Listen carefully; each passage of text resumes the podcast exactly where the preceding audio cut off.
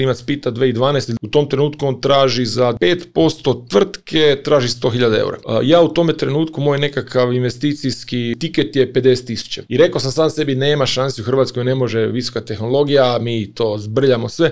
Je to najveća propuštena prilika? Pa je, što onda nakon drugog puta što je pištolj bio uperen u glavu, onda sam rekao da je vrijeme da mijenjamo djelatnost jer ovaj, ušli su ljudi koji ovaj, malo imaju drugačiji smisao za biznis od mene. Službeno sam otvorio prvu tvrtku sa nekakvih tamo negdje oko 18. godine, malo možda čak i prije. Radi dan danas, zove se Insako, radimo logistiku u i distribuciju robe široke potrošnje, tu nas ima nekakvih 80-ak sve skupa i vrtimo nekih 10, 12, 13 milijuna eura kako koju godinu. Osobni život nema velike razlike između naš prihoda od 10 milijuna i 20 milijuna, dobiti od milioni. i to je neka ono kad si došao do nečega što tebe zadovoljava, a onda nema dalje, nema, nema potrebe za dalje, dalje je samo sport. Šta znači uspio? Uspio si, nekima je uspio prvi BMW polovni, nekima je uspio vratio dugove kredite, nekako u biznisu ako gledamo to su te brojke. Ja nisam nikad ni osjetio kad je taj prvi milion došao, znaš, je li to bio prvi milion prihoda, prvi milion za zarade, da li to bio prvi milion eura na računu, sve to upit. Potreban ti je poslovni račun u inostranstvu, Pionir ima rešenje za to. Bez obzira da li se nalaze u Americi, Aziji ili Evropi, klijenti ti veoma brzo jednostavno mogu platiti lokalnim bankovnim transferom i to u valuti koja njima odgovara. Zaboravi na beskrajnu papirologiju, uz brzu online registraciju otvori račun u regionu gdje su i tvoji klijenti i to već danas. Radi globalno, plaćaj lokalno. Uz Pionir kreni odmah. Registruj se preko linka koji se nalazi u opisu ove epizode. Naučite kako da programirate, kreirate sajtove, razvijate iOS i Android aplikacije i steknete znanje i veštine sa kojima možete startovati uspješnu IT karijeru. Kvalitetno stručno znanje, sertifikovana obuka, raznovrsnost kurseva samo su neki od razloga za zašto je Quantox Akademija lider u svijetu IT edukacije. Odaberite neke od 11 kurseva i obezbedite sebi znanje koje vam pruže širok spektar mogućnosti za različite IT poslove. Ukucite kupon Biznis Price na njihovom sajtu i obezbedite popust dobrodošlice. Link se nalazi u opisu ove epizode. Naš partner je i kompanija za kućnu dostavu Volt. Dok gledate epizodu, častite sebe nekom dobrom klopom. Napravite profil na aplikaciji ili sajtu i ostvarite 3 puta 200 dinara popusta za prve tri narudžbine uz kupon biznis price. Dakle, 600 dinara popusta uz kupon biznis price. Link se nalazi u opisu ove epizode. Uživajte. Neko skaliranje dalje. dalje neki ono level up. Hoćemo pa da krenemo. Apsolutno da, da. Učite iz grešaka. Biznis priče. Dobrodošli u najgledaniji biznis podcast u regionu. Ja sam vaš domaćin Vladimir Stanković. Danas imamo tu čast da iz Zagreba dođe direktno Saša Cvetović, serijski preduzetnik i investitor. Saša, dobrodošao u Biznis priče. Dobro veče. Je li Zagreba ili iz Niša? Povisi kako se gleda u stvari iz Zagreba, sinoća, iz Niša, danas. I to Teslom. Teslom, Teslom. Jel može iz Niša? Kako ne bi moglo, samo eto. I čak u stvari u Srbiji je sad ovaj punjač koji je novi kraj Ikea, sad imate dva dole u ovome shopping centru, taj je jači, kvalitetniji nego bilo šta što mi imamo u Hrvatskoj i u Sloveniji. Tako da infrastruktura, baš konkretno Teslina, u Srbiji je relativno dobra. Ti si jedan od najpoznatijih preduzetnika u Hrvatskoj, da li je to zbog iskustva, zbog medijske pažnje? Ta pa ne znam. Ti reci, ti si u toj branši. ne znam, ne znam, mislim Veteran, da možemo reći. Pa da, nekad sam bio ono mladi poduzetnik, sad sam više nisam mladi, sad sam samo poduzetnik. Sad Kad je bilo to mladi, 90 Pa da, ma nije, nije, bilo je dugo, ono već sam se čudio, znaš, često puta ovim nekim krugovima, pogotovo ja sam bio dosta i u zdravstvu, ovaj, u tom nekom dijelu javnog zdravstva, privatnog zdravstva još uvijek, i onda, znaš, kad stariji ovi kolege hoće malo te spuste, znaš, da ti ono da kažu, možda mlađi kolega nije razumio, pa se obraćaju sa mlađi kolega, ono, znaš, ja čekam ono, dokad će biti mlađi kolega. Šta ti teško? A, dobro, dobro, to je, znaš, ono, kad ti hoće reći, kako nisi ti dorasto, znaš, ono, profesoru nekome, onda si ti mlađi kolega, sad više nema mlađih kolege. A kad si ušao u koliko si godina imao? Pa ja sam, to je zanimljiva duga priča. Neslužbeno sam ušao praktički u nekoj srednjoj školi već, ono, sa nekih 16 sam počeo zarađivati. Službeno sam otvorio prvu tvrtku sa nekakvih tamo negdje oko 18. godine, malo možda čak i prije. I sad je to nekakvih 33-4 godine ovaj, da, je, da je prva tvrtka osnovana, radi dan danas Zove se Insako, radimo logistiku i distribuciju robe široke potrošnje, tu nas ima nekakvih 80-ak sve skupa i vrtimo nekih 10, 12, 13 milijuna eura kako koju godinu i to mi omogućava da se bavim nekim drugim stvarima i možda iz toga su počeli neke druge investicije, neke druge stvari koje me isto možda to vesele ili gdje pokušavam još nešto novo, ovaj, otkriti neku novu toplu vodu. Je to bilo ono iz prve, 18 godina, veoma rano i firma da je već 34 godine pa funkcioniše? Ne, šta znam, nisam nikad radio za nekog drugoga, osim ako se ne neki studentski poslovi, srednjoškolski poslovi čak, gdje sam nekakve ono kutije nosao, istovaro, nešto u segestika se zvala tvornica, oni su radili nekakve, znam da je bila vodka trojka, je bila značija njihov, to smo ovaj, u slobodno vrijeme već u mladim, mladim danima trošili i miješali sa svime, ali iza toga nikad, znači ja sam jednostavno krenuo sam i zaposlio sebe, zaposlio i dobar dio svoje obitelji, kasnije i nešto prijatelja, neka je to bilo dobra odluka, nije uvijek i iza toga tako je krenulo pomalo. A otkud logistika? Jesi pa imao neki kontakt s tim? Pa čak i nisam, sve to išlo jedno, drugo, treće, to je bilo ono nekakav period e, prije rata, početak rata kad se raspala bivša država i onda e, jedan dio, ne znam, tvornice ostao u Srbiji, drugi dio u Sloveniji, u Hrvatskoj, nešto i te su veze popucale i slučajno je tako, ne sjećam se nikak, do mene dospjela neka kombinacija da je neka roba e, jedne bosanske tvornice ostala na njihovom skladištu u Velikoj Gorici, oni više nisu mogli do nje i onda ovaj jedan pitao, ne znam, jel možeš ti nešto pomoći i tako je krenulo i onda oni nisu mogli naplatu napraviti, onda smo mi morali kompenzirati jer su i veze platnog prometa pukle i tako su pomalo krenuli trgovati, onda smo shvatili da ne znam, u Hrvatskoj u tom času je ponestalo dosta robe, bilo je tu i nekih higijenskih papira, bilo je tu i nekakvih proizvoda za, za higijenu i čišćenje i tako pomalo smo počeli s tim trgovati, onda smo to krenuli uvoziti iz Italije, pa onda pomalo i tako je A kako ste te gledali konkurenti? To je oblast u kojoj su i, da kažem, i veterani. Kako su gledali ti 18 pa, godina? Smiješno, da. Smijali su se često. Ono. Ali e, to je bila doba gdje, gdje je bilo baš doba veliki promjena. Neki veliki oni bivši lanci su ili pucali ili su bili preuzimani, onda oni nisu, i oni su se tražili u tom nekom kako bi ja to rekao, to mi je slično kao, ne znam, danas, evo, o, pričali smo malo o električnim automobili, ne bi nikad Hrvatska mogla ući u proizvodnju ne, znam, neke visoke tehnologije ili čak hiper hipersportskih električnih automobila, da se nisu karte ponovo dijelile. Znači, u jednom trenutku se počelo razmišljati o nekakvim novim pogonima, novim tehnologijama i onda smo mi tu imali sreću da je bio neki klinac koji se zvao Mate, on je uletio u nekakav takav posao A ti nisi teo da mu pozemiš pare. dobro, to je kad ono ćeš, rekao, da ćeš me pitati. Da ćeš me pitati. Pa imam taj mail, to je ovaj, nekad ga pokazujem pa se smijemo kad se sretno poslije, gdje on mene pita, sad... Mate Rimac Rimac, pita 2012. ili 2014. U tom trenutku on traži za 10%, pardon, za 5% tvrtke traži 100.000 eura. Ja u tom trenutku, moj neki 2012. ili 14. mislim da je 14. u pitanju, ja u tome trenutku, moj nekakav investicijski, e, što bi rekli, tiket je 50.000 ja preko toga sam sam sebi rekao ne idem i u tom času sam ja već uložio jednu tvrtku visokotehnološku u Hrvatskoj koja baš nije najbolje išla i rekao sam sam sebi nema šansi u Hrvatskoj, ne može visoka tehnologija, mi to zbrljamo sve. E onda dolazi on naš, dođe klinac, on tad ima tako neke 24 godine, 25 kao naš ono mailom, mislim znamo se mi od prije da on radi te neke aute nešto i samo tamo prezentacija, službeno sve, pa kao veli ono treba skuplja rundu i meni se to još čini dobro, ja tada idem u našu Crane, to je naša udruga poslovnih anđela, imam isto mail, danas se smijemo, ja šaljem svima, dečki, evo to je, meni se čini dobro, ako neko, jedan dvojica ide sa ja ću dati 50, dajte skupite još.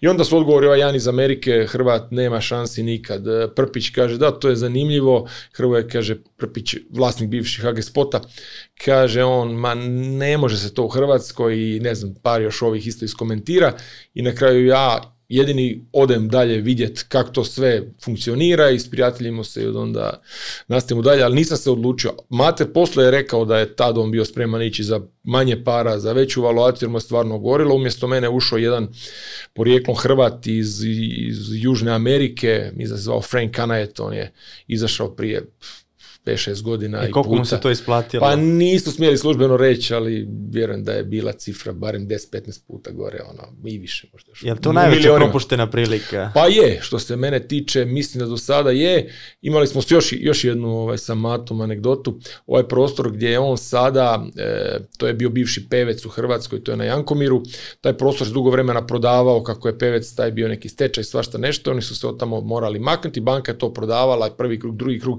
ja sam otišao pogledati, porazgovarao i došao sam jednom mom kolegi, ovaj, dobrom poznavatelju financija, koji vodi jednu našu ovaj, od četiri one renomirane svjetske tvrtke za reviziju i sve ostalo i nas dva razgovaramo i nekako on mene odgovori, kaže, ma nema smisla, moraš naći, kaže, jednog onoga tenanta jakoga da on to drži. Ja sam rekao, kajde uči nešto moje firme unutra, naćemo nekoga, sad je prilika, banka to daje, ono, još u diskont, mi to možemo s 10% poluge, možda 15, kupiti, riješiti. I on mene odgovori i ne prođe par mjeseci, pita Mate, znate li neki prostor, na kraju on završi tamo, umeđu ga kupio neko drugi. Tako da dva puta mu nisam ovaj, uzeo novca. a ima prilike za treći put. Pa ne znam baš da ima i za treći, malo sam ovako. I dva puta je bilo puno, gledao me, gledao me onaj dozgo dva puta, kaže, znaš, ono, daj Bože dobijem na lotu, daj Bože dobijem lotu, a kaže, uplati bar jednom pa da nešto napravimo. E, ja sam očito taj bio koji sam čekao na lotu, ali nisam stavio tiket. Koliko godine u biznisu trebalo je da prođe da bi krenuo da investiraš u druge biznise, startupe? Pa dosta, dosta. Znaš, danas ljudi možda kreću, mislim, smisao tog angel investmenta kako vani se to zove, ono, i onda kod nas je to kad kažeš ono angel, business angel ili taj termin ono, ljudi krivo shvatili, ljudi ono, misle, znaš, ti si sad ono anđeo, sad ti imaš, ne znam, pare i sad njihov posao u problemu, sad njima dati pare da spasiš njihov posao, mislim, nećeš. Njihov posao ima razloga zašto u problemu, ono, vjerovatno i ni sa puno para taj problem neće biti riješen. tu je nekakva e, e, smisao priče da, da, da investitori toga tipa ulaze u nekoj ranoj fazi projekta, pokušavaju pronaći nešto što bi sutra moglo vrijediti 10 ili 20 ili, ili više puta u odnosu na uloženo što su dali. To nije gramzivost, to nije, to je jednostavno matematika takva, jer otprilike 1 naprema 10, ako imaš sreće, on uspije i on daje, onda mora dati više od 10 puta povrat, jer ovih 9 će ili propasti ili će metiljati. Ej, za to nisu samo novci, za to je određeno bitno i poslovno iskustvo, e, jer tu često puta i taj investitor što je i moje iskustvo se sa osnivačima tvrtke u koju ulaže u manje ili više uključuje u poslovanje, on tu i mentorira, on pomaže i sa networkingom, on pomaže kod nekih poslovnih odluka i tako da čak nekad i u product developmentu i to je onda taj dio, a taj dio se u biti ne može raditi ako bar nemaš nekog svog poslovnog iskustva, meni je trebalo pa, malo manje od 20 tu negdje godina. Nakon toga sam krenuo s time i kad imaš i nekakvog vremena da možeš odvojiti od svojih poslova i kad imaš nekog kapitala koji možeš koji možeš uložiti, jer to je taj kapital što ljudi ne razumiju, znači to je nešto s čime taj čas kad si uložio, u stvari se moraš i psihički i, stvarno pozdraviti, jer on je rizičan do te mjere da vrlo vjerojatno se neće vratiti, a ako se vrati očekuješ od toga jako velik pol. E, sećaš te prve investicije? Šta je to bilo? Da, sad si me pogodio malo koja je bila prva, mm, bilo je... da neuspješna. sigurno, da. Pa zato se ne sjećam. ali ali e, to je bio nekakav, mislim da sam u tome trenutku, u tom nekom prvom valu sam išao sa neki 14-15, jer to je nekakav portfelj kojeg moraš imati portfolio, jer kažem, ako gađaš ono jedan ili dva, mala je šansa pogoditi. Znači moraš malo šire. Vanija u Americi često puta ljudi to spredaju na puno više investicija ako imaju veći portfelj i to se svodi na to da u biti ti isti nekakvih desetak do 15 tvrtki nadaš se jednoga koji će pogoditi, jedno dva koja će ti vratiti sa nekakvim e, prinosom. A ono znači gledao si tehnološke kompanije, startupe, nisi pa, gledao neke tradicionalne biznise? Jesam čak i neke tradicionalne koji su mi, ali kažem taj tip investiranja jednostavno nije za tradicionalne biznise, sad radimo i drugačiji tip investicija preko te naše grupe Futura Partners gdje mi radimo druge stvari koje ne zahtijevaju takav povrat. Kod ovoga jednostavno ne možeš ako ti u startu ne vidiš iz prve da može ići puta deset, da postoji realna, realna šta je realno, ali nekakav, da imaš neki njuh, neki gut feeling da to može ići na deset puta plus, ne ulaziš i onda ljudi to ne razumiju, a realni biznis, znaš, no, koja je šansa da nekakav brick and mortar biznis u, ne znam, 5 do sedam godina, pet bi trebala biti metrika, bude minimalno 10 puta na uloženom. Može biti, ali teško. teško, teško. Nema tu od pečenjare, nema tu od nekretnine, nema tu, to je spori povrat. Da skaliraš pečenjare. Da, da, moraš skalirati. To je jedino skali. Jedino zato kažem, tu je tehnologija jer tu je šansa da skaliraš nešto na način da možeš dobiti povrat koji je, kažem, dvoznamenkasti, minimal I trebalo bi tu pet godina, što je broj eh, godina veći, naravno povrat mora biti veći jer ti onda roj pada kroz vrijeme dok si razvijao prvu firmu Insako, rekao si 20 godina ti je trebalo da kreneš da investiraš u mhm. druge, jel si za taj period razmišljao da uđeš još neke biznise ili je to bio fokus samo na tom biznisu? O ne, ne, ne, ne, ja sam čudan po tom pitanju, možda je to neki strah koji mene goni iznutra, ja sam uvijek e, igrao na nekoliko frontova, znači ja sam svoju mamu nagovorio da da otkaz, ona je bila u apotekama, u ljekarnama e, kako mi to kažemo, znači na visokoj poziciji vodila jednu veću ljekarničku ustanovu, dala je otkaz, pozdravila se bez kuna otpremnine, bez išta, ja se nagovorio da otvorimo prvu, prvu apoteku, ljekarnu u Velikoj Gorici, kasnije smo to malo povezali, posložili i to smo 2008. prodali na prilično dobro vrijeme tada. Uz to sam se bavio još sa puno razno raznih stvari koje su bile izvan Insaka, evo nekakvih sad zadnjih ono par godina ima tu svašta od nešto slično kao ovo što vi radite, video produkcije, jedne male TV e, stanice, da tako kažemo, e, developerske tvrtke, suvlasnik, pokušavali smo neke poslove koji nisu uspjeli, svašta smo tu nešto radili, ali evo, još uvijek smo u zdravstvu, brat ja imam ustanovu za kuću njegovu rehabilitaciju koja se razvija prilično lijepo, to je jedan manji koji bi uskoro možda postati mogu i srednji biznis, tako da, igra se uvijek na više frontova. E, ono što se pokazalo dobro, prije nekih pet godina smo otvorili taj mailbox, etc. To je jedna franšiza, strana koju sad razvijamo u regiji. Kad je došla korona, onda je to bilo dobro imati više poslova, jer uvijek su neki pali jako, a neki su čak zbog korone skočili, jer u koroni ne znam, krenuo i komerca, mi preko toga MBA smo bili logističar koji u biti pomaže web shopovima i, svim tvrtkama da rade u biti taj dio posla online. Mi smo oni koji rade taj fulfillment u offline svijetu i to je za vrijeme korone poraslo, a ne znam, neki drugi poslovi su skroz pali. A koji su vaši poslovi pali? Pa recimo, e, prvo pao je u jednome trenutku dosta Insako kao glavna tvrtka, jer e, najprije je bio veliki skok jer su ljudi bojali pa su sve higijenske potrebštine tražili, a tad nisi mogao više nabaviti. Onda u jednom trenutku si nabavio, pa je onda su te cijene pale, ne znam, one rukavice, mi radimo sa tim i gumenim rukavicama, inače dezinficijencima i svim tim stvarima za čišćenje, to je u jednom trenutku bio bum, onda u jednom trenutku je to sve skupa palo, stalo, jer onda ljudi su prestali kupovati, vidio se to ne funkcionira onako kako se u prvi, prvi mah mislo.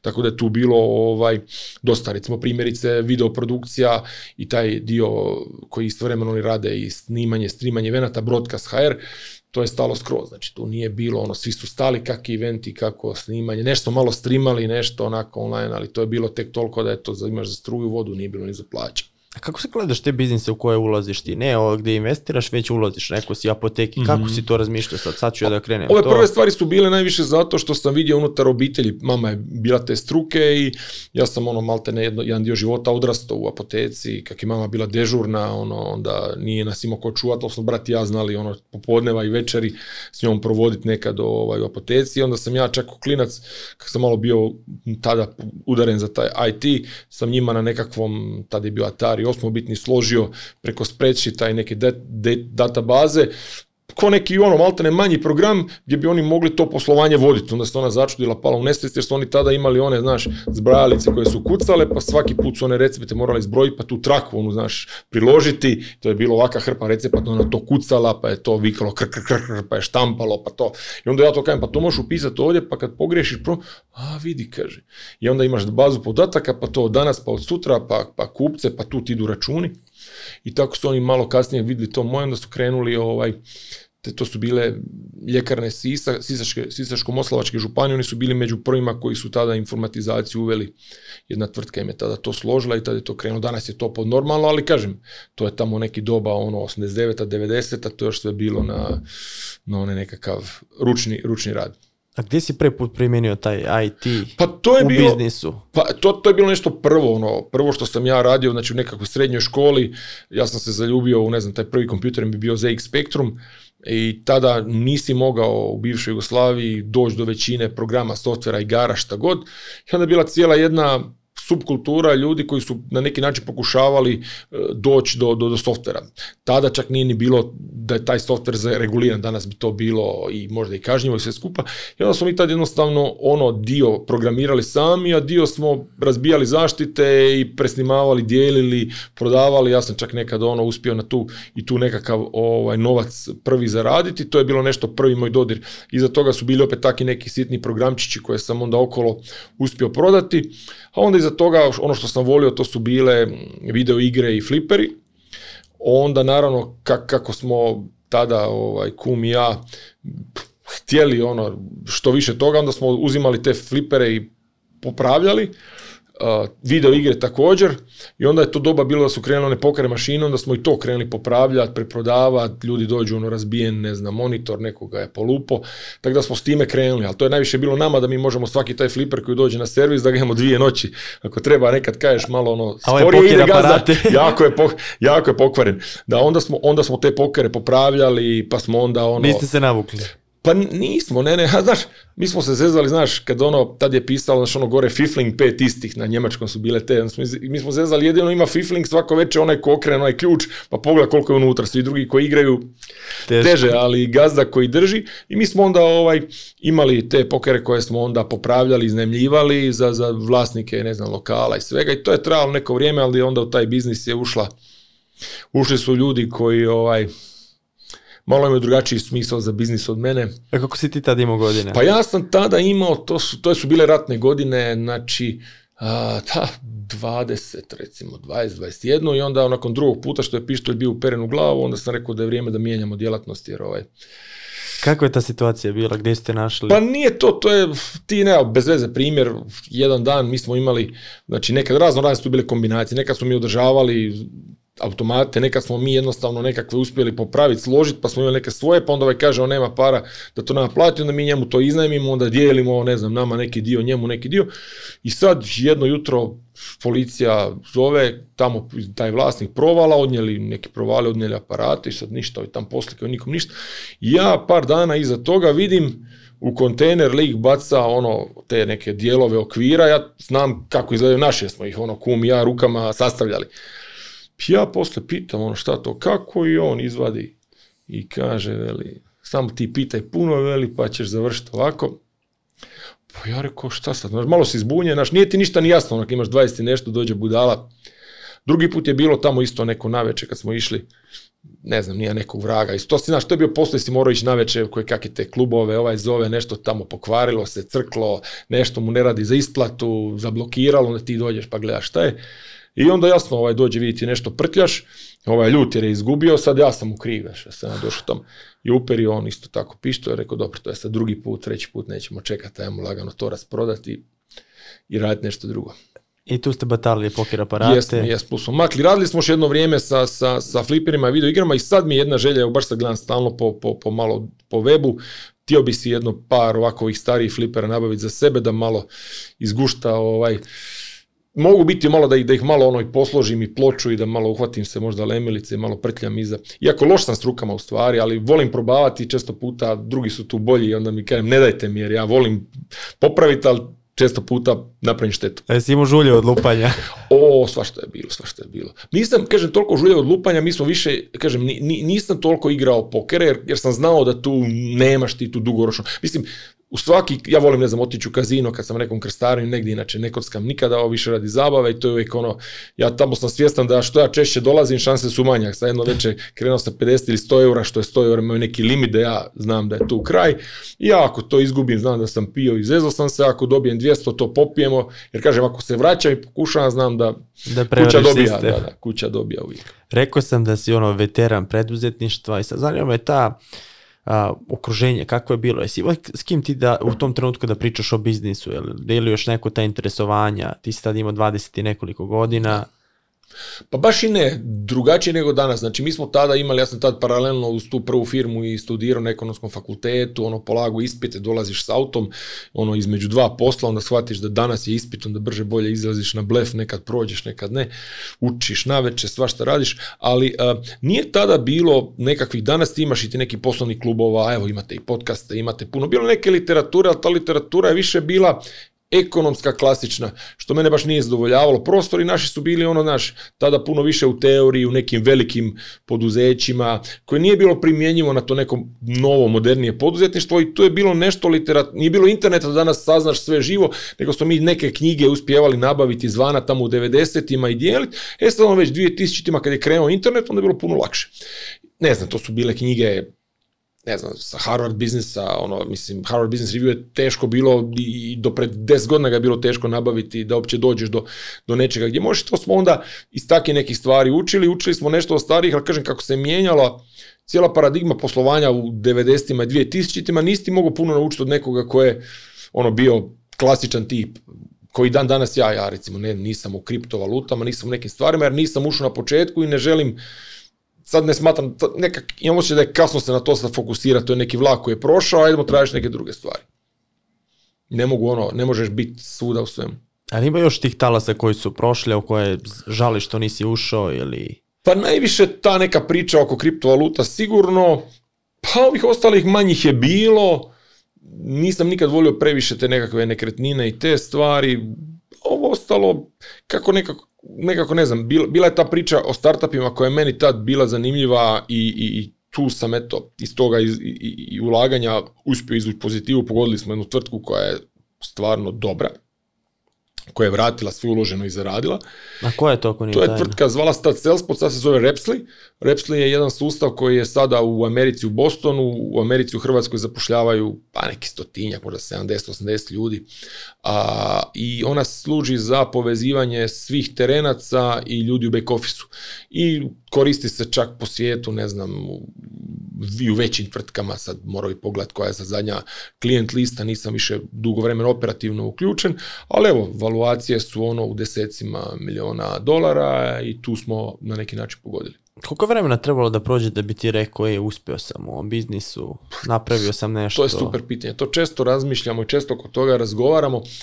Mene to u biznisu često puta mogu usporediti jedno sa sportom, recimo. Znači, u biznisu ne znaš Mislim, šta znači uspio? Uspio si, nekima je uspio prvi BMW polovni, nekima je uspio vratio dugove kredite, nekome je uspio, ne znam, više od, ne znam, oca ili ne znam, nekog prijatelja u školi, ali u biznisu je meni nekako uvijek ta priča ti se popneš na jedno brdo i sad znaš, ono, misliš, evo, to je to bilo brdo, onda vidiš iza, još ima veće brdo, onda se ideš na njega i sad ti je to brdo cilj, onda se popneš, onda shvatiš, gle, planinčina, pa ne znam, jednostavno ideš dalje. I kroz neko vrijeme, ne znam, ni, taj uspjeh svako drugačije definira, ali nekako u biznisu, ako gledamo, to su te brojke, to su, ne znam, je to prvi milion ili...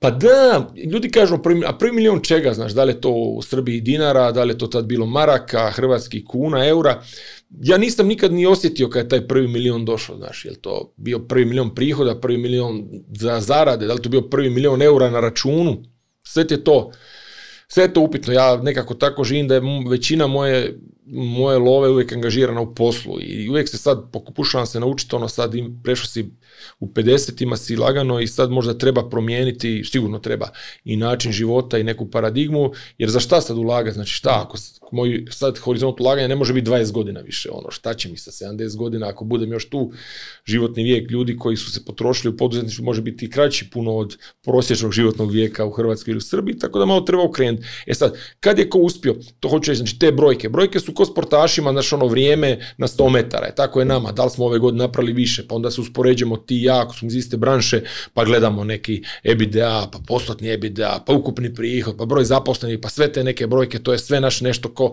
ko neko takmičenje.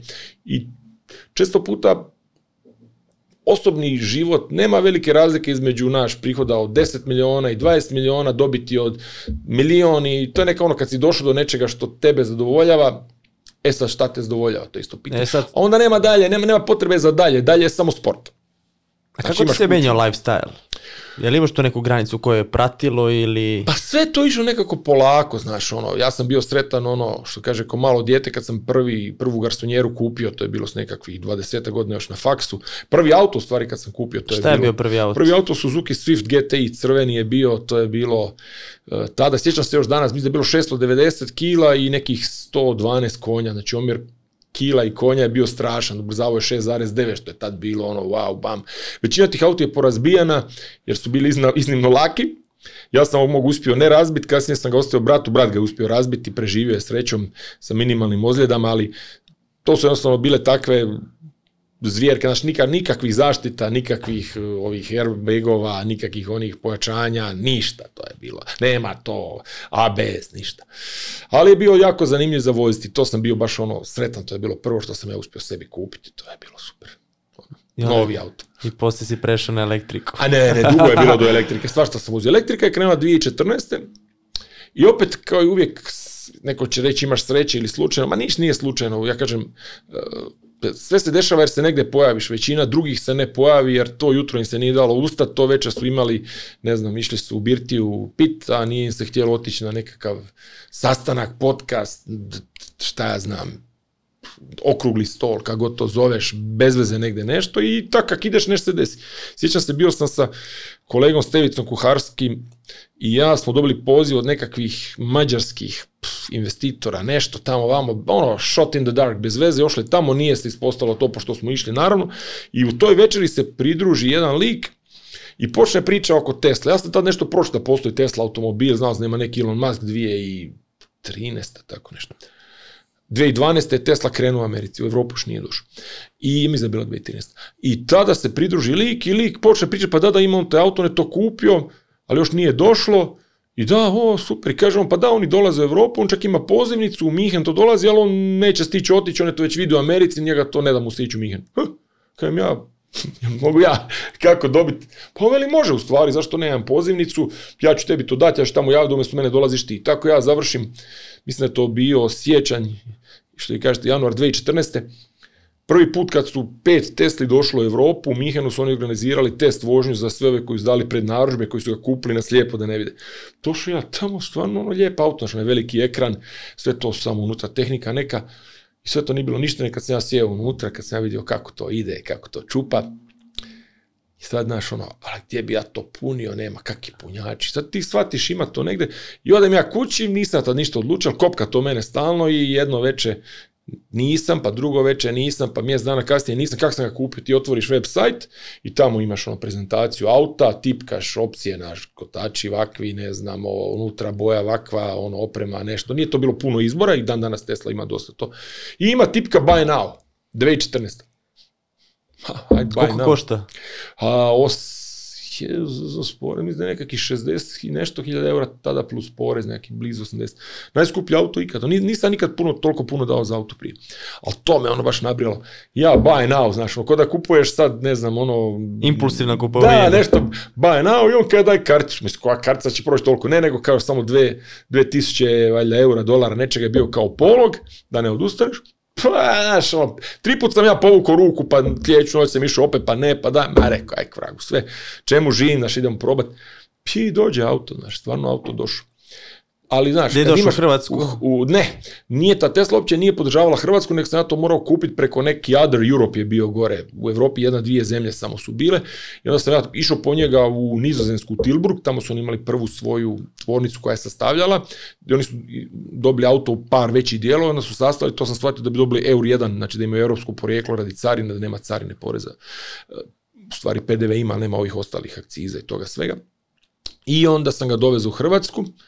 E, kroz Europu je tad i bilo nešto, neki punjač da se moglo, u Hrvatskoj gotovo ništa, bilo je nekih par tih AC punjača, ali gleda sam doma imao šteker, u firmi sam imao šteker, trofazna struja, spojili smo, izvukli smo punjače, u Sloveniji je već bilo ovaj, isto par ljudi koji su tad počeli to ovaj, nabavljati, razmišljati, Prva registracija je bila bolna, ono, dok su shvatili, naš, mi smo morali dođemo na centar za vozila, to je trajalo jedno deset dana, dva put smo produžavali probne tablice jer ne možeš registrirati, ona nema kućicu, znaš, nema Tesla otvoren proizvođač, mora otvoriti proizvođač, nema otvoren model, onda za model ima ti si bio prvi na Balkanu. Da, prvi, prvi. Onda ima neka pitanja, hrpa, ne znam, ono, koliko kilovata motor, koliko ne znam nešto, što nema zapremina, ne, nema to.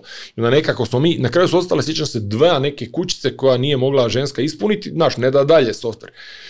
I onda za i te dvije sam pisao, pa smo čekali dva, tri dana, jednu su mi dali odgovor neki broj, a drugi nisu rekli da ne znam šta pita. Mislim, ja ne, ide to nikuda i sjećam se ja pozovem tu gospođu, bila je već vidi ona da nikad kraja, rekao, gospođo, koje vam je raspon najčešće što u tu kućicu se piše? Ona kaja između 24 i ne znam 48. E, kaže, da, ja ne znam, bez veze govorim, 34, kaže, 34 može. Nešto je, sad negdje nešto piše da je 34. Ali kažem, bitno je, tad si moglo stisnuti dalje enter, pa je išlo. I tako smo ga registrirali. A kažem, isto je pomoglo ovaj moj car menadžer je odvezao eh, tada ekipu iz, ja mislim, stanice za tehnički pregled. Eh, Mi ti kraj Zagreba, kraj Velike Gorice imamo jednu pistu koja se ne koristi stalno za avione, nego je za toga zrakoplovno tehničkog zavoda, oni tamo otišli pa njih malo provozo i onda su rekli, o, dobro je to, treba to registrirati, to je zanimljiv auto. I do danas se nisi pokajao? Pa nisam, to je, tad je, to je bio prvi, za toga sam kupio 2016. drugi, s kojim sam završio do, do Gambije u, Africi. sa prvim sam napravio Istanbul Nordkap, i to kroz istočnu Europu kad nije bilo gotovo ništa punjača, tek u Finskoj su bili, u stvari u Estoniji su bili ozbiljniji punjači i Finskoj. I tako radio sam svakve gluposti. 2014. sam napravio turu po Balkanu kad isto nije bilo nikakvih punjača s tim prvim Teslom. I sad je ovo treći ovaj koji je došao evo danas iz Niša.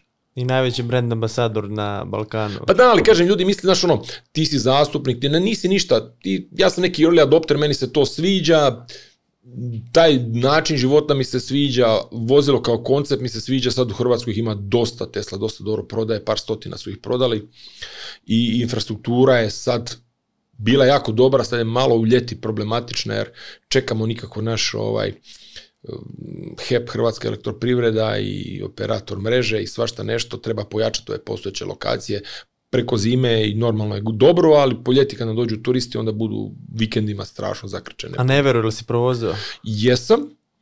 Ha, i to smo imali, imali smo čast, jedna ta organizacija međunarodno IPO koje sam ja član, koja okuplja vodeće biznismene i lidere svjetske, kažu da je inače treća po veličini ekonomije u svijetu nakon Kine, Amerike i Kine.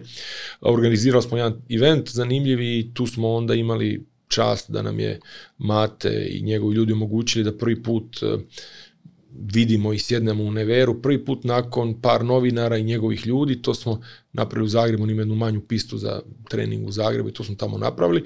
Ono što mi bilo tad smiješno da me provozao e, Miro Mrgud, Zrnčević, njegov glavni test vozač i sjeli smo unutra i kaže Miro ti ja napravim džir po pisti i nije mi rekao kad će stisnuti gaz, to je jako teško, ne znam ako ste kad Tesla bilo koji električni auto tog tipa, pa da vas neko stisne gas bez da ste pripremljeni, užasno čudan osjećaj, znači zakuca, trzan, na uzljeda vrata. Još meni Miro kaže onako, pričaj u pola rečenica: pa ti znaš te električne auto, nećemo mi to tebi ništa i kad je stisno. Nakon dva kruga sam molio da me pusti van, jer su to takva ubrzanja, auto tako dobro leži još kad je u ruci profesionalnog ono, pilota koji je vozio sve što se voziti može, sulud. Suludo.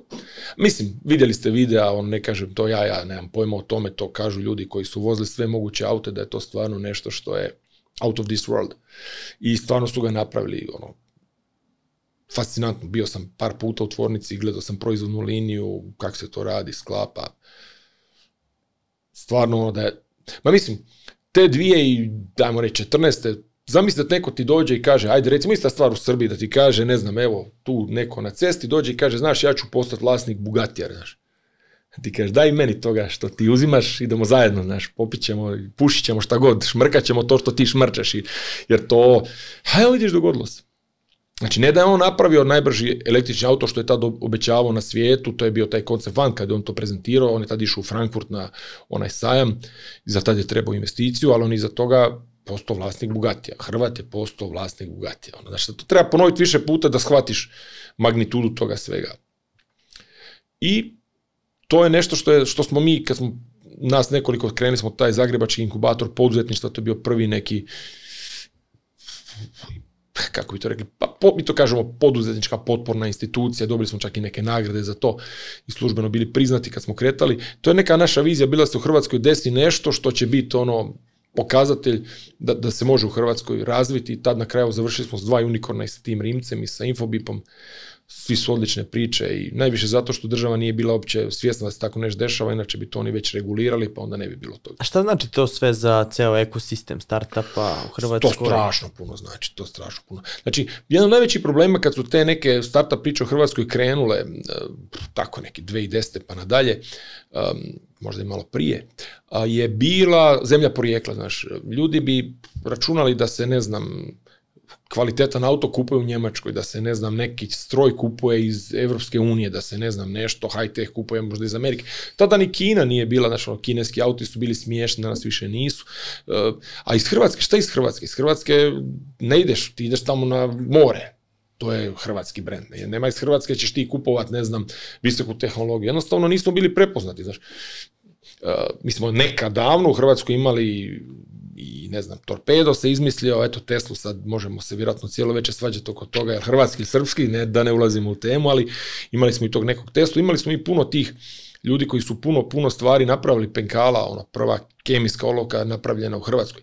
Ali iza toga nismo baš tu, tu nastavili dalje da budemo potom poznati. Onda kad bi ti došao, često puta su firme sakrivale porijeklo, otvaro si firmu, ne znam, negdje u Americi, ne znam, bila je firma, sjeća se Logmin, koju sam izlao su Amerikanci, na kraju su bili Mađari, ali su svu frontu radili na engleskom i trudili smo se svi tada jako da baš bude i web stranica američki engleski, jer kaže ako ga ti pišeš, nije ga pisao native speaker, onda ma skuže da si ti neki tamo iz nekih zemalja bezveznih, a kad ti hoćeš neki ozbiljan software koji nekome ide u veću firmu gdje se spaja sa nekim njegovim core sustavima, pa nećeš to, pogotovo tad to iz neke zemlje tam bez E, a nakon ovoga svega, Drugim firma, primjerice, sigurno je, i to, to je potvrđeno Porsche Digital, znači e, investicija Porschea u Hrvatsku u suradnji sa prijateljima i kolegama iz e, Infobipa, e, pardon, iz Infinuma, je ovaj, nastala zato što je Porsche vidio da u Hrvatskoj postoje jedan određeni dio ljudi koji ima tehnička znanja i onda nakon što su to krenuli sa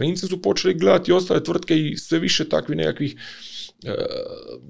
i znanja i poslova dolazi u Hrvatsku. I to je glavni benefit. Pa to je prva stvar. Benefite drugih je puno. Poslije A na mindset i na drugi ljude koji vide to. Da, da, Mislim, sad je to, to jedna velika, u Hrvatskoj, ne znam kako u Srbiji, ali postoji taj jedan proizvod koji mi mogli izvoziti u neograničenim količinama zove se hrvatski jal. Znači ta jal i ta neka zavis kad neko nešto napravi, jer naš mala je zemlja, svi smo išli zajedno u školu, svak svakog zna preko nekoga, svako je s nekim neki rođak, što bi kinezi rekli ono malo veći kvar šta niste svi došli. Ali e, mi onda, znaš ono, ti gledaš, to sam mogao biti ja, ali ja nisam jer, znaš, onda tražiš razloge, jer ABCD, e, FG, nisam imao sreće, nije Otac mi nije dao pare. moj otac nije bio jako bogat, stric mi nije imao para, nisam bio u HDZ-u, SDP-u, nekoj stranci. Znaš, ti sad tražiš cijeli set to ja oni naprave. Sad onda kako ti ne možeš sebi baš lako objasniti to nisi ti, onda nekima je puno lakše reći da to on prodaje maglu, da tih auta nema, da je to sve nešto bez veze. I puno više hejteju Rimca nego što hejteju recimo Infobip, zato što Infobip ne razumiju. Infobip radi neke poruke, neko povezivanje, neko nekom nešto šalje, ništa to niko ne razumije.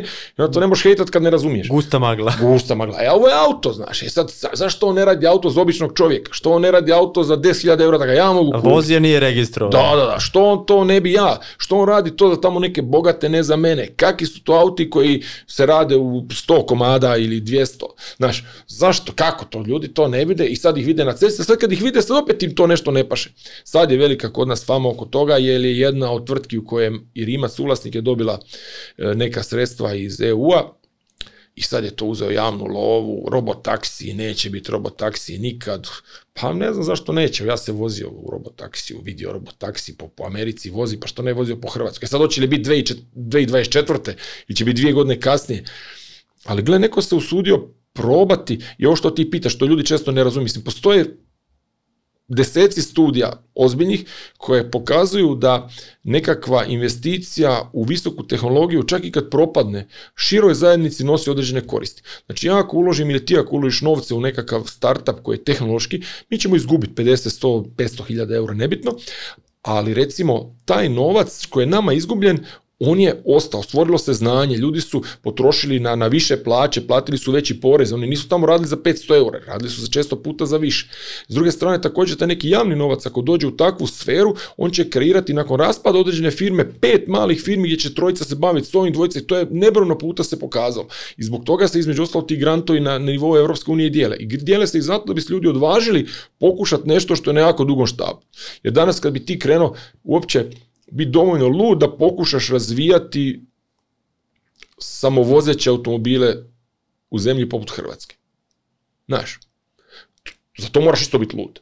To moraš imati određenu doluzu ludosti i sad, e, ako ne probaš, onda nikad nećeš ni tamo negdje doći, jer u Kini imaš 150 firmi koji se bave električnim autima, sad sam baš došao iz Kine, gdje ne znam, ti takve, takve stvari rade koje su stvarno začuđujuće. Imaš e, automobile koji su tehnološki sad već pregazili europsku autoindustriju, ali zbog e, trenutno politike protekcionizma Europske unije i sad za ovih zadnjih nekakvih e, e, trvenja između EU i, i, i, Kine i Amerike i Kine, gdje sad Europska komisija optužuje Kinu pogotovo za automobile da su imaju direktne poticaje, pa i zbog toga pokušavaju zaustaviti, o Francuzi su već neke mjere potegnuli, ali po meni koliko ja vidim to je ono jednostavno strah i pokušava se dati evropskoj autoindustriji vremena da se prilagodi, a s druge strane... Ali misliš da mogu da se prilagode ja da ne. i da stignu ja mislim da, ja mislim da je game over, samo još nisu svjesni. Šta se vidi tamo? Pa Što te je fasciniralo?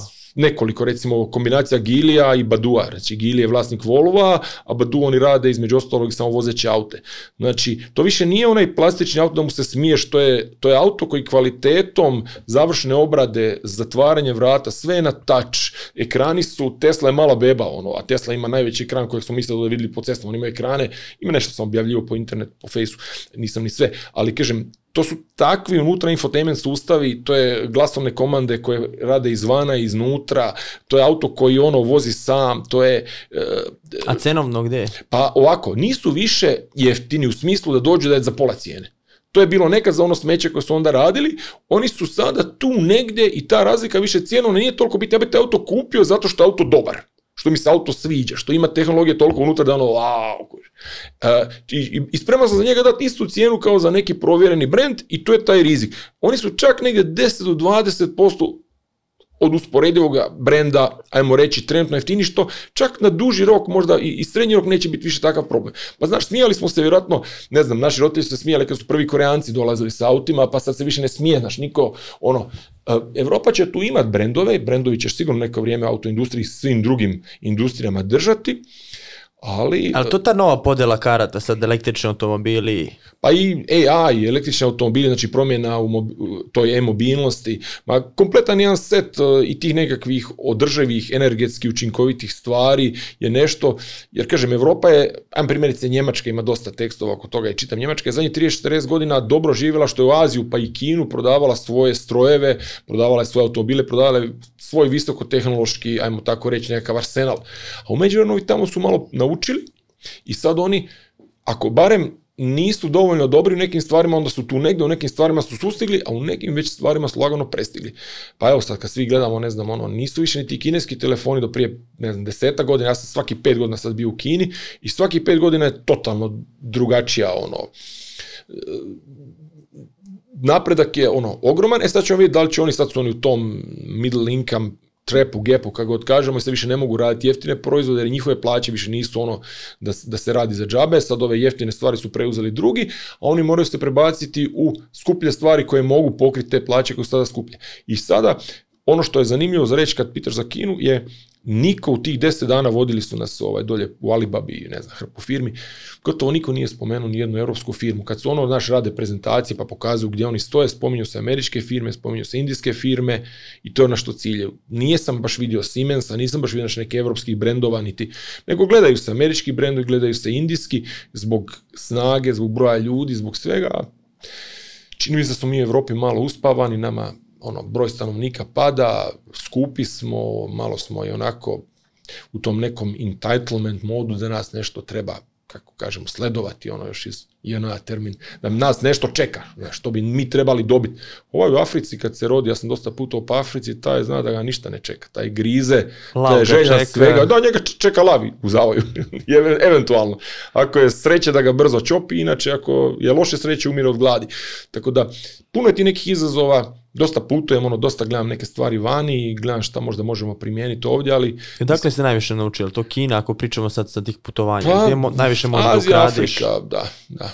A za život najljepša Južna Amerika, ono. Pa Čile i Argentina, u Argentinu idemo opet, bio sam dva puta, idem opet. Inflacija je hubila. Inflacija, oni su točno, oni su primjer kako od jednog najbogatijih zemalja svijeta se može suno vratiti, ok, trajalo im je, ono, to mrcvarili su cijelo stoljeće, oni su valjda bili na vrhu početkom prošlog stoljeća, ti kad hodaš Buenos Aires, ti vidiš da je to bio svjetski grad, vidiš je Madrida, podsjećeno Madrid, naš dijelove Pariza, čak jedan dio ko u Londonu, parkovi, ogromne avenije. Ali sve se to raspada, ljudi kruha gladni, inflacija ko ono doba, vi ste mlađi pa se možda ne sjećate, ali ja se sjećam doba kad si svaki dan maltene mijenjao domaću valutu u stranu, jer je, kod njih je tako, mi je na početku puta 20 dana smo bili jedno, na kraju je već ne znam bilo 5% bolje ono na crno se mijenja, znaš, u nekim ono, na ulicama. I, ali s druge A tebi strane, kao turisti odgovara? Pa tu kao turisti si ti tamo, tvoje, tvoja valuta je daleko jača, ali način života, e, e, kasno se ustaje, kasno se ide van, živi se, ono, baš kombinacija Francuza i Bojana Španjolaca, da, da, baš ono. Jedi, pi, uživaj, a neko će plat dugove, nema veze. Znači, kineska tehnologija, a argentinski način Tako, života. Argentina, čak više nego Chile. da. I Čile je zanimljiva, Argentina je luđa. će biti to za par godina Saša promoter kineskih brendova. Ne, ne. Kad izađe kaže feć, aha. Da, da, ma ne, gledaj, e, jednostavno, mene neke te stvari koje su nove, neka me fasciniraju, jer jednostavno ono, znaš, to je onaj efekt, aha, wow, što vidi ovo. Znači, a s druge strane, znaš, recimo, ne znam, malo, me to frustrira, znaš, kad dođeš, znaš, ono, prijatelj kupi, ne znam, eh, Audija nekoga novoga, električnog i to se skupa i sad ti tamo vidiš da taj infotainment da je to sklepano na brzinu, pa ti iskače znak benske pumpe, pa ti piše gas, ne znam. Sad je prijatelju stao tajkan, stao, to je već drugi kojem je stao skroz. Mislim, Taycan je prekrasan auto, sam dva puta bio obožavam ono Porsche, da naprave kak treba električno, ja bih ga odmah kupio. I Taycan mi je malo prenizak, ali ako naprave, ne znam, ako se kaže da će biti Macan ili Cayenne, da, vrlo rado. Ali šta je fora? E, softverski i svemu ovom ostalom je to, evo sad je bilo, prijatelj pokazao sliku da mu je rekao nešto, nešto boat, kao brod, da ne može pokrenuti brod nešto stao. Znači, hoću reći, toliko je tu unutra još nekih tih stvari koje treba doraditi, auto kao auto, kao ovijes, kao udobnost, kao izgled, kao brand fenomenalan, ali tehnološki, čak i za moje Tesla koja je tad bila starija bar pet godina. A šta se tu dešava? Su ti brendovi uspavani, uspavani žive na staroj da. slavi? Znači, postoji puno na, na internetu, to je lako vidjeti, ne znam, mislim da zove Sandy Munro, on je bio jedan od glavnih inženjera u Fordu, kad je razvaljivo Teslu Y to ima već preko godinu dana i onda ono, oni rade baš taj tear down svih auta, znaš, dođu kod njega u radion, oni rastavljaju pa gledaju šta se dešava i kad je Frajer rekao da je on fasciniran, da je ne znam, samo na jedno dijelo je bilo 13 promjena u ne znam, pola godine, lupam bez veze. On kaže, meni u Fordu za jednu promjenu trebala godina dana jer sam morao uvjeriti prvo stakeholdere, pa, pa onda sindikat neće ovako. Mislim, su sad u tom problemu, BMW ima ovoga u stvari Volkswagen je imao mislim, predsjednik uprave koji je htio ići u jednom smjeru i onda su ga naravno poterali i sad baulunjaju i opet dolaze do toga da moraju stvoriti neke tvornice, da za njihovim autima nema potrebe, pa zatvaraju. Kaže, ne prodaju se električni autima, ne prodaju se tvoji električni auti. Znaš, ono, neki drugi se prodaju. Ali tvoji, tako kad si ti zamislio, tvoji inženjeri koji su naučili raditi tako, mislim, inženjerski mozak, ono, moj otac je eh, inženjer strojarstva i znam način razmišljanja, znači njemu unlearn, znači unlearn nečega je užasno težak. Znači on je rekao to je tako i njega smo naučili tako i on je konstrukcije radio tako i to se radilo tako, on je ne znam bio jedan od njih koji su onaj poljud u Splitu prodali te konstrukcije tamo i on je to tako radio. E sad, ja točno mogu razmisliti kombinaciju njihovog inženjerskog mindseta, njihove sporosti, ta sporost je zato da bude kvalitetno, da ne napravimo grešku, plus to pritisak sindikata, sad je u Njemačkoj veliki pritisak tog njihovog izazove IG, taj sindikat e, radnika koji između ostalog pokriva i autoindustriju, otpori su strašni, a nemaju druge, moraju se mijenjati, moraju, ne mogu raditi kako su radili zadnjih 100 godina. I tako da, oni imaju previše tih pritisaka i Amerika je tu puno brža, pogotovo Tesla koja je non-unionized, znači nije još uvijek pritisnuta sindikatima koji evo sad Stellantis, Ford i ovi ostali imaju ozbiljne isto tako prijetnje razgovore njihovog sindikata, ovog velikog američkog, i Kinezi isto nemaju taj problem toliko sindikata. Tamo kako kaže, Zašto se nemaju? da, i onda velim, kad to sve skupa zbrojiš, pa ima razloga zašto u Europi nema unikorna zadnjih, zašto je broj unikorna, ne znam, Kina, Amerika, naspram Evropa, ono zašto je tako kakav je. Malo smo preregulirani, malo smo preuspavani, malo smo možda i nekad umišljeni, nema nas više ni sve nas je manje, opiremo se možda nekim promjenama, jer nam je stvari dobro, pa lijepo je. A se koristio to za investicije, sad su lagao van Hrvatske? Pa kažem, najčešće, ova varijanta je da, da, angel investment se radi na onom tržištu koje poznaš, jer tamo tvoj nekakav eh, iskustvo i networking eh, puno više vrijedi. I, I recimo da sad ja ne znam, idem sam ulagati u neku zemlju probali smo čak nešto mi u Srbiji, surađivali smo i ovdje je bila jedna mreža poslovnih anđela tako, ali nije to to, ne mogu ja tamo dati toliki impact. Da, e, ali onda recimo mi ovdje u Hrvatskoj pomognemo da se započne i vrlo brzo ako je sve u redu, to se transferira naći u Ameriku, otvara se firma u Americi i onda se testira neka tržišta, možda neka Kanada prije Amerike ima to sve neke svoje. Zašto?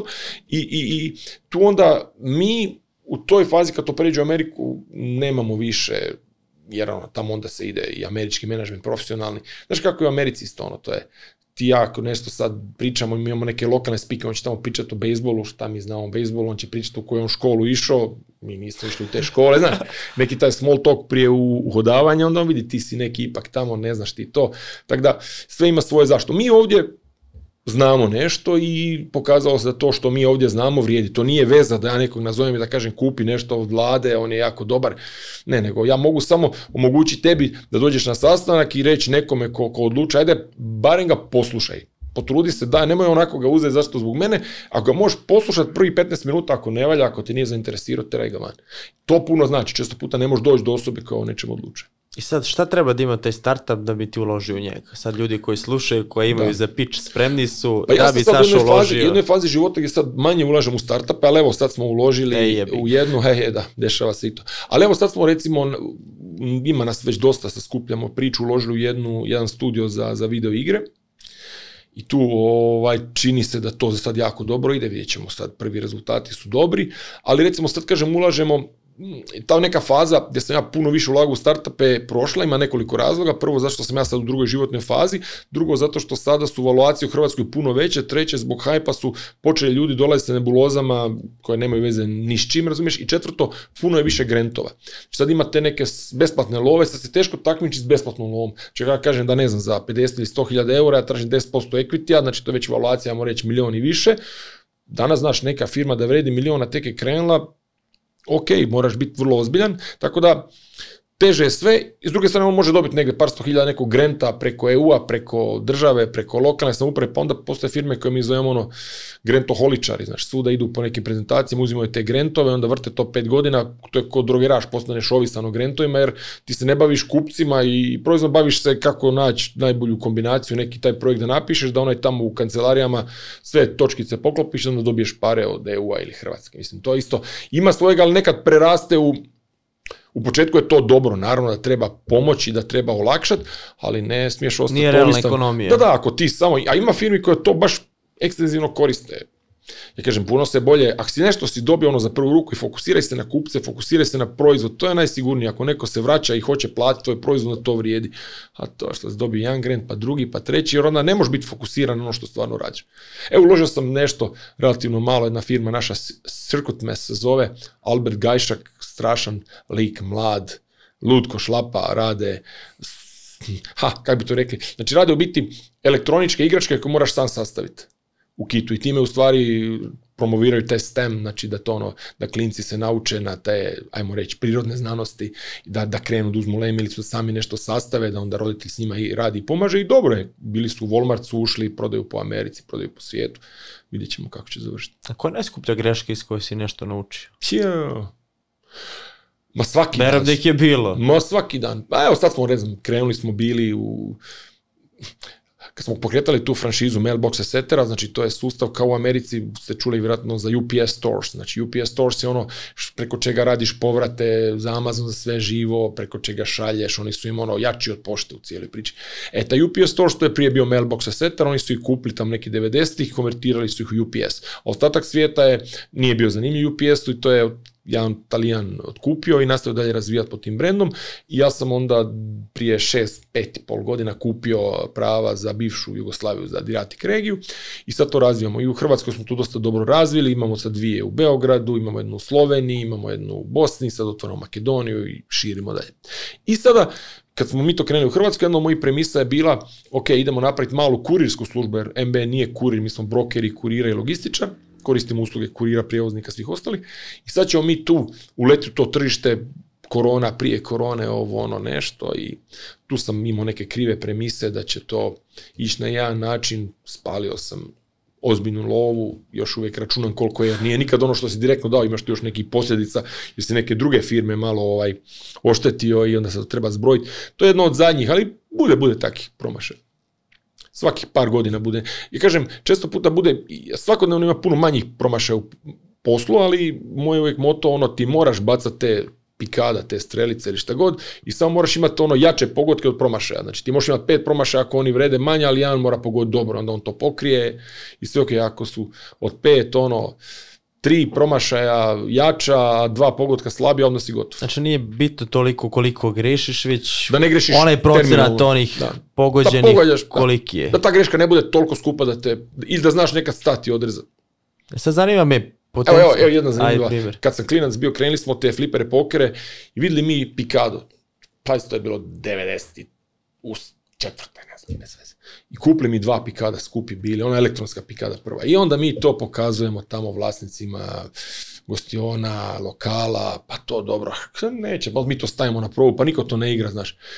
I na kraju bacili mi pare, spustili mi to u podrum negdje, zaboravili na to. A nije prošla godina dana, krenulo je valjda ono na satelitskim televizijama su prenosili one turnire, bum toga.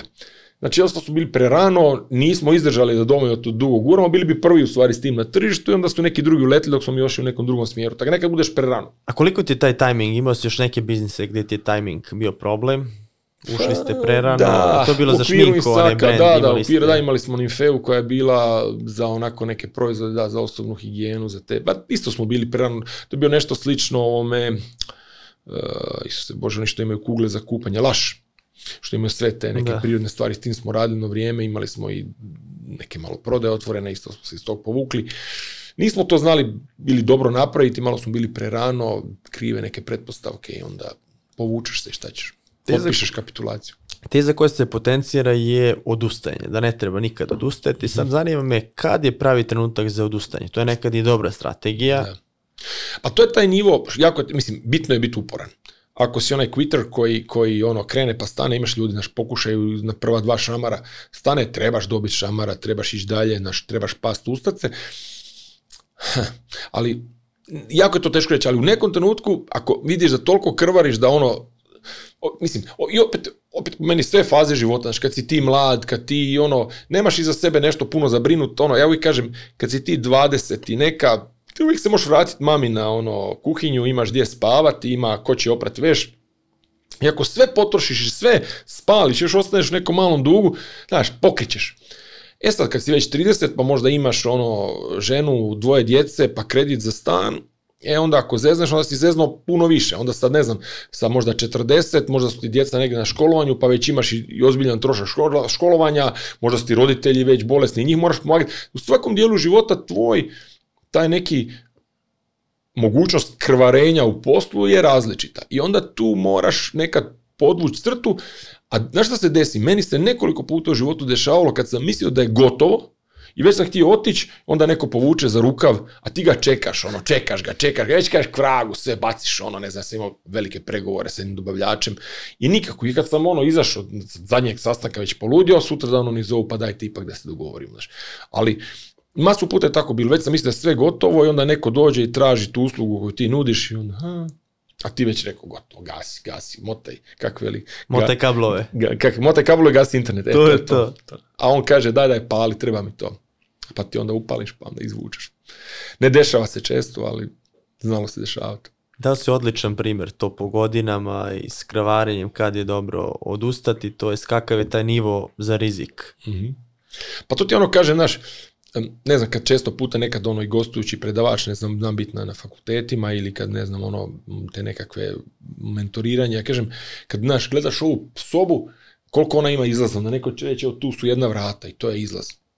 Znaš kako u američkim filmovima, znaš, svaka ova ploča gore kad ju digneš iza ona ventilacija, ona uvijek dovoljno velika da se kroz nju Tom Cruise provuče, ne malo manje od mene, ali uvijek postoji. Što je već drugi izlaz. Onda treći, znaš, ono, e, recimo, ne znam. doperu. Da, da, da, ono, treći izlaz ti je, ne znam, Mel Gibson, on ide s vanjske strane ovog nebodera, znači on vidi prozor, on će tu izići pa će puzat po tome ko pauk ili ne znam, nija nešto. Znaš, tako da ti imaš izlaz na to u američkom filmu, ne znam, Dolph Langrin će shvatiti da je ovo knauf, kad malo pukneš i kroz njega možeš izaći. Tako da, kad su bili mali, znaš kako Dida Mraz ulazi kroz dimnjak i to isto neki onda ulaz, znaš, izlaz. Tako da ti u stvari u istoj prostoriji imaš puno više izlaza nego što i na prvu vidiš, samo treba malo razmisliti, naći.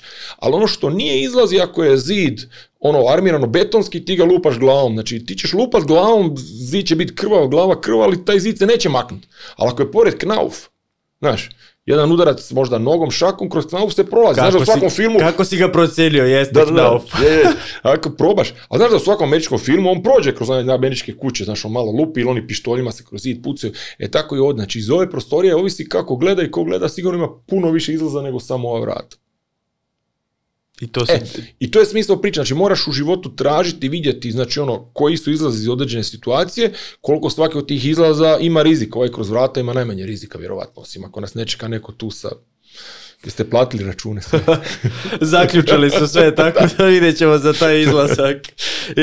I, I sirijski preduzetnik, investitor, profesor, bio si direktor Facebooka i, direktor Facebooka, to je e. zanimljiva priča. Joj da, to je počelo, još uvijek negdje ima taj ponovlja svako toliko članak kojega je, e, mislim da to Imaš bio... Imaš sa Da, da, da, to je, pa znaš kako to nas, to je tako zanimljiva priča. To je bio 1. april i večer prije toga Dragan Petric, e, urednik u časopisu informatičkom Bug, što svaki godine treba neku sprednju smislit', i on uzme sliku tog jutra, ne znam, dan prije se sastao meksički predsjednik sa Zuckerbergom i tu sliku održe njegovu glavu na monitora moju, kad malo bolje pogledaš, on vrat je kao žirafe. On nije to puno se ni potrudio posložiti. I frajer pripremi priču kako Facebook otvara predstavništvo za s, kako oni zove, SM, a, a, onu regiju, to kak je to, Middle East, Afrika, South East Europe, našo ono nešto, s, e, da, nešto.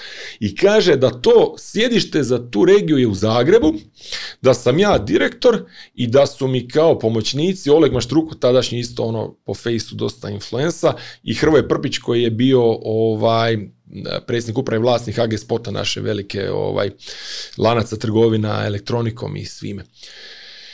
I to je bio onako članak koji je on stavio na, na portal taj na bug i podijelio po fejsu. I to je bila sprnja par dana, ono, dobra zezancija, svi koji su znali. Znači, pazi, ono, Facebook otvara predstavništvo. Zašto? Znači, ono, prvo, ono, premisa je bez šta će Facebooku predstavništvo, drugo, šta će mu u Hrvatskoj. E, ono, ako otvaraš, ostalo otvaraš negdje u Njemačkoj, znači čemu? I, I to je tako bilo zezanje i to je nakon par mjeseci palo u zaborav. Dok se nije desilo da je u Hrvatskoj kao i svim zemljama, neke grupe ljudi su počele pisati neke stvari koje su Facebook počeo čistiti, blokirati, znaš ono, neki fast e, fact checking, pa onda ne znam, lažne vijesti. Dešavalo se i to između ostaloga da je tad bilo suđenje u Hagu i neki ljudi koji su smatrali da to suđenje, primjerice za bilo tada oko generala Praljka, da je to bilo nepošteno, oni su pisali svoje mišljenje oko toga, tamo je bila presuda o ratnom zločincu, sad ja o to mogu misliti svako od nas šta hoćemo, ali neko je to tamo, algoritam, vjerojatno svaki taj komentar koji je bio tog tipa se brisao. I onda su ljudi počeli razmišljati o tome da postoji neko ko to čita, znaš, ono, baš postoji neko ko čita svaki članak i valja rukom sišće, znaš, ne valja tvoj, ne valja tvoj, ne valja tvoj, ne valja moj, evo je dobar, i onda je neko izvukao negdje taj bug od prije par godina gdje je pisalo da postoji predstavništvo Facebooka i da sam ja direktor Facebooka, što znači da ja čitam to i ja to klikćem. I onda naravno moje ime je Saša, što oni pretpostavljaju da je to Aleksandar i moje prezime zvuči njima vjerojatno srpski i onda je to sigurno neko ko još je protiv hrvatskih interesa i on ne voli nas, znači ono koji smo pravi Hrvati i on nama to briše. I to je tako u početku postalo ono, bila dobra za jebancija, mi smo to sprdali, znači, ono svako malo neki, e, eh, nije samo to, ne, meni dolaze poruke, znaš, e, jel biste vi mogli, a pazi, neki ljudi koji su ozbiljni ljudi iz politike, mislim, ozbiljni ljudi u politici, to isto samo po sebi, ono, nonsens, ali okej. Dakle, jel biste vi mogli, biste li vi mogli pogledati moja supruga, ona, ko to njoj piše? Onda ovaj piše, profil mi je neko zaključio, možete i to meni odključati. ono, ljudi, znaš, jer ja sam predstavnik, za mene pišu, kako bi ja njima riješio, njima je zablokirao neko profil, njegova cura, ona je njemu, jel ona vidla, jel nije mogla vidjeti, kako ona vidla njegove poruke, pa screenshotove, kako je ono, znači, to neko od nas poslo, on ljut na nas, on će ono tuć se kak ide onaj, znate ono, hej Riki Martine, ono ti je, to ti je to, e, hej Riki, ma sad sam ja bio taj Riki Martin, ono, brate, ubit ću te, znaš, ono. I koliko to trajalo? Odmakni se to od i dalje traje? Pa sad je to vrlo malo, pazi, to je bilo na članak, onda su ti počeli portali pisati, ono, suluda teorija zavjere pokazuju, znači to je prvi april gore zaokruženo, onda ovaj piše iz baga 30 ljudi za jebance. Do, došlo je do toga da sam ja jedno dva puta prijavu imao na MUP, e, jednoj dvojici sam ono napisao da bolje da se ne sretnemo, jer su mi, jedan mi je napisao da ću gledati u oči svoje mrtve djece, to je bio onda stop, preko stari bolje da, da, da ti policija s tom razgovara, bolje da se ne sretnemo jer bi mogu reagirati ja onako kako ne valja tu su neke granice, znaš, gdje povlačim i znači to su neki ljudi koji su onako hrabri iza, iza tastature, u životu baš i nisu toliko, ali bolje onda da, da to rješavaju neki drugi nego da ja idem se s njim nalaziti, da ga pitam zašto bi ja trebao gledati u oči moje mrtve djece i da im je uopće objašnjava da to što je tamo neko napisao za prvi april nema veze ni s čim, da on toliko glup, da on ne može uopće pojmiti da, da taj slijed rečenica koji je u tom članku, to, to je tolika satira, mi smo imali taj news bar, razumiješ, ljudi su pizdili, ne znam da li ste čuli da li od news pa bar mi news nije. E slično, znači ljudi, ljudi to su u početku gledali i znaš ono, čovjek vjeruje u to što je tamo napisao, to tako dobro napisao, e, tako je ovo bilo. Tako da s jedne strane ta jedna dobra je u nekom trenutku postala ovaj... Malo, vrag šalu. Vrag šalu, onda ja sam nekad ono, već nije mi se da kad im članak iz, ne znam, ono, indeks je to rašlanjivo, evo vam ono članke, ono ste normalni, ono, kud ste otišli, kuš. Od zajebancije do toga da te pitaju, za kažem ti, da, da mu poglašu profil Curin, da mu pitaš, da, da, e, političari lokalni, ko to njih opanjkava, znaš, kako bi oni mogli vidjeti ko je taj. Znaš, vidi vide oni da su to neki lažni profili, pa oko njih se piše pred izbore, koji su ti, znaš, kad bi oni znali, to su sigurno ti, ti mogu li ja to njima potvrditi, znaš, ljudi moji, pazi, ti bi trebali političar, vodit grad, evo, da ti, ti ne možeš prvi da piše 1. april, drugo, ti vjeruješ da je Facebook otvorio predstavništvo u Hrvatskoj, fizičko, zaposlio ljude, ono. I stave tebe baš. Da, da, mene je. Do, dobro, ja možda sam i djelo ozbiljan. Ok. To je zanimljiva storija.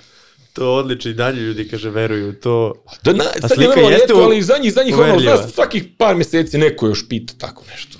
S obzirom da ste vi, kaže, pa biste mi mogli provjeriti, on bi trebao nešto, ne reklamna kampanja mu nešto za, zaglavili, zaključali mu, radi. znaš, možda je stavio sliku alkohola, Facebook to po definiciji, ono, bam, nema alkohola, nema, znaš, droga, cigareta, ništa, tak si malo sumnjivo, na bam, zaključuje kampanju, za, on meni piše, tada, ja Nadam se da te neće cimati posle ovog podcasta. ne, ne, ja, nek već Da, ja sam toliko malo, stalno sam na putu, ne mogu me lako ni naći. Daj nam neke preporuke za dobre knjige. Koje su tebe pa, oduševile? Ja najviše, najviše, volim dugo vremena zadnje e, ove biografije, recimo. Sad čekam nikak da je stisnem, da je naručim, a još nisam se natjer'o na Audible. Skupa? Onda fizički. Pa ne, ne to čitam, znaš, dosta podcasta sad, ono, kak sam u autu, ne znam, na Spotify-u, na ovom TuneIn-u i tako, ali, ali nisam baš na Audible se navuko, ja kad se nešto navučem, onda znam da je prejak, onda pokušavam ne. Sad bih htio doći do ove zadnje biografije od Ilona Maska, ne znam, od ovih nekih zadnjih, sviđa mi se baš biografije, ne znam, Steve Jobsova, od isto ova pisa, zaboravio sam ime. Isaacson, Isaacson tako, Isaacson.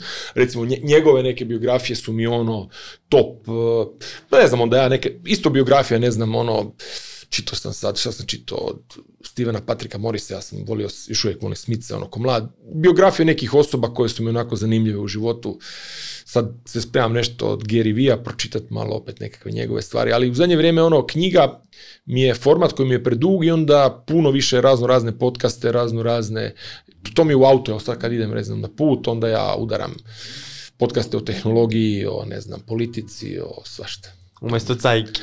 Pa da. O, ne, ne, nemoj cajke. Evo sad, znate da je... Kako ne Evo, kaj je peti put arena. to ne napravio. Nisam ja znao ženu koja je šta je. Onda smo rekli da je ona od e, Breninoga sina žena. Da. pet puta arena u Zagrebu. To je stvarno ono. Respekt.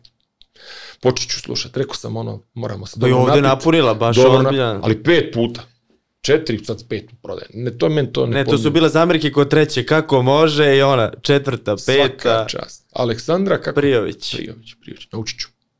Tako da, kao vidimo se u areni. da, da.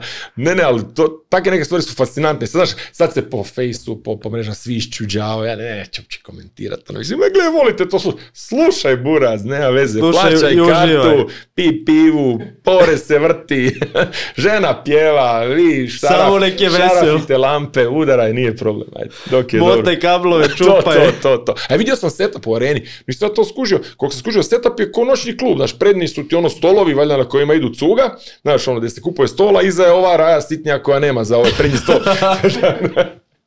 E, šta baš ono, ja nisam navikao te koncerte, znaš, ja sam kad budem na koncertu, to ili je ono, ima neki fan pit pa nešto, ili ono cijela hala i svi ovo, znaš. Sad ćeš imati priliku da vidiš. Al, e, baš sam se zezo da bi se trebali ono, dobro opiti i otići na koncert.